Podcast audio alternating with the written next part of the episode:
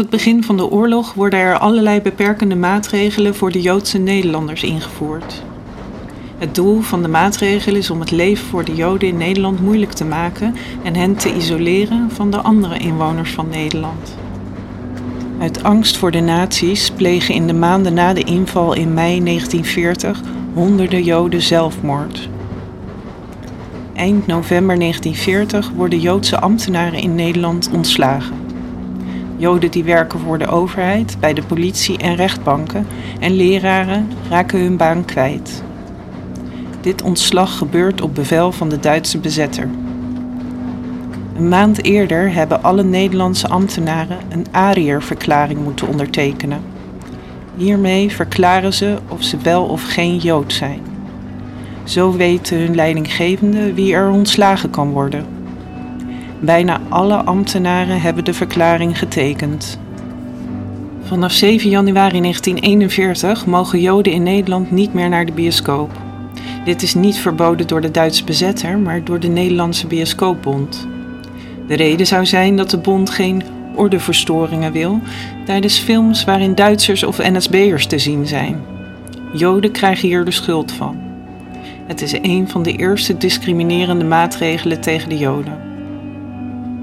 3 februari maken de Nederlandse autoriteiten op bevel van de Duitse bezetter bekend dat Joden zich bij hun gemeente moeten melden als Jood of bastaardjood.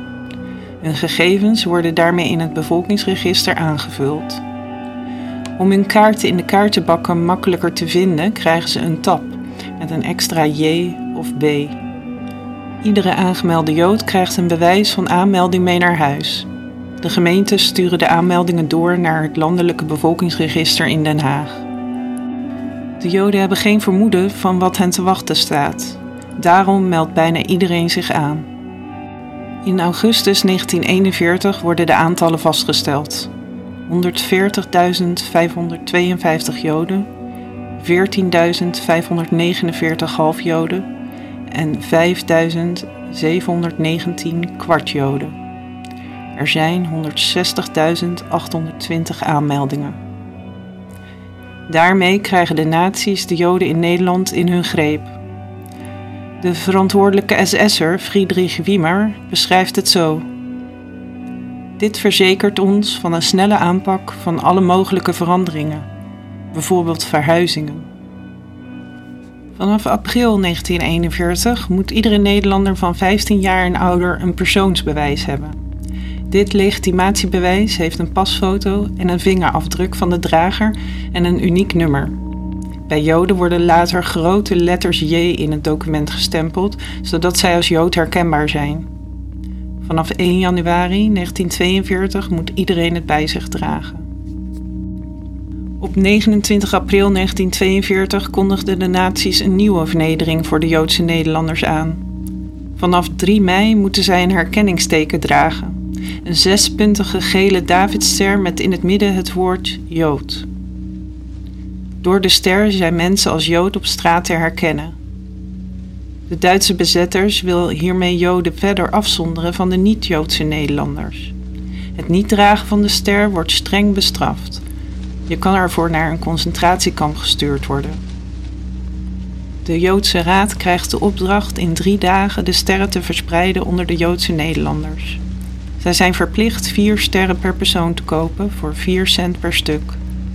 Kinderen vanaf 6 jaar moeten hem al dragen. In totaal worden 569.355 Jodensterren verspreid.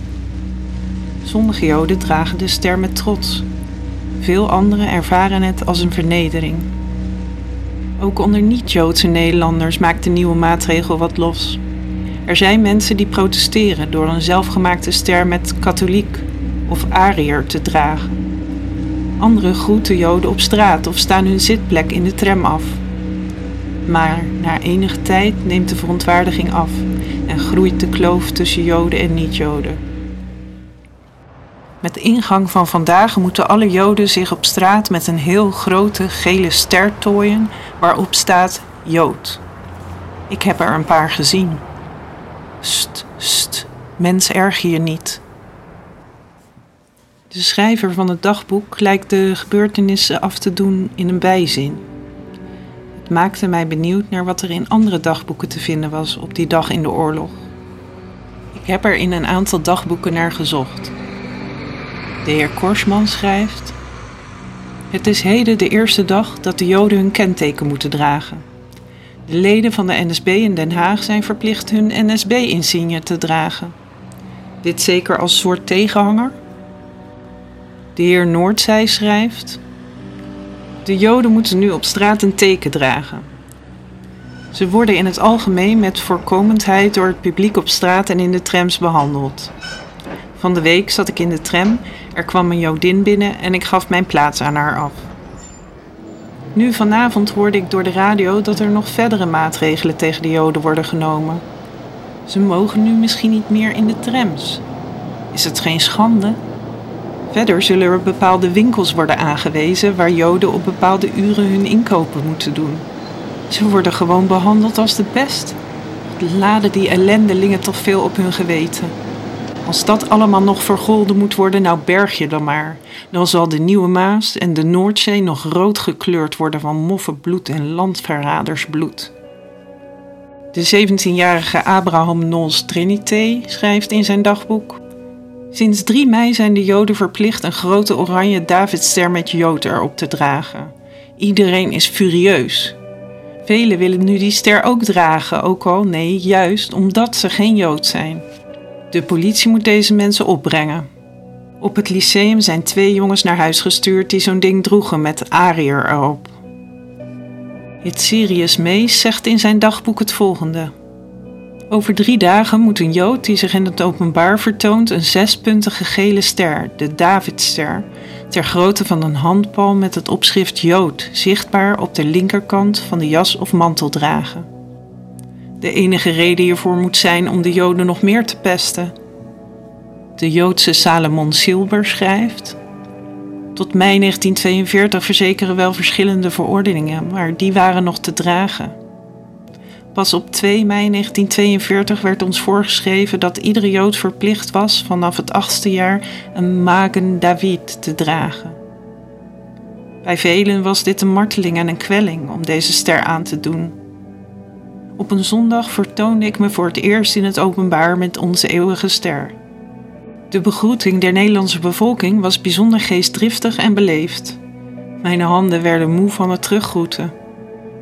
De Nederlanders die steeds met ons Joden bevriend waren en in vrede en rust met ons leefden, uiten hun meegevoel. Van groot tot klein, arm en rijk, van burgemeester tot straatveger sympathiseerden met ons, nog veel sterker dan vroeger. In de tram, in de trein of waar ook stonden deze beminde en vriendelijke mensen hun plaats af aan een die een ster droeg. Zelfs vele jeugdige mensen hebben zich ook een ster op het jasje gehecht. Wat kan dat alles baten? De eveneens Joodse Esther van Friesland. Gisteravond stond er in de krant dat alle Joden over twee dagen een gele ster moeten dragen ter grootte van een handpalm aan de linkerkant. Met zwarte letters staat er op Jood een ereteken.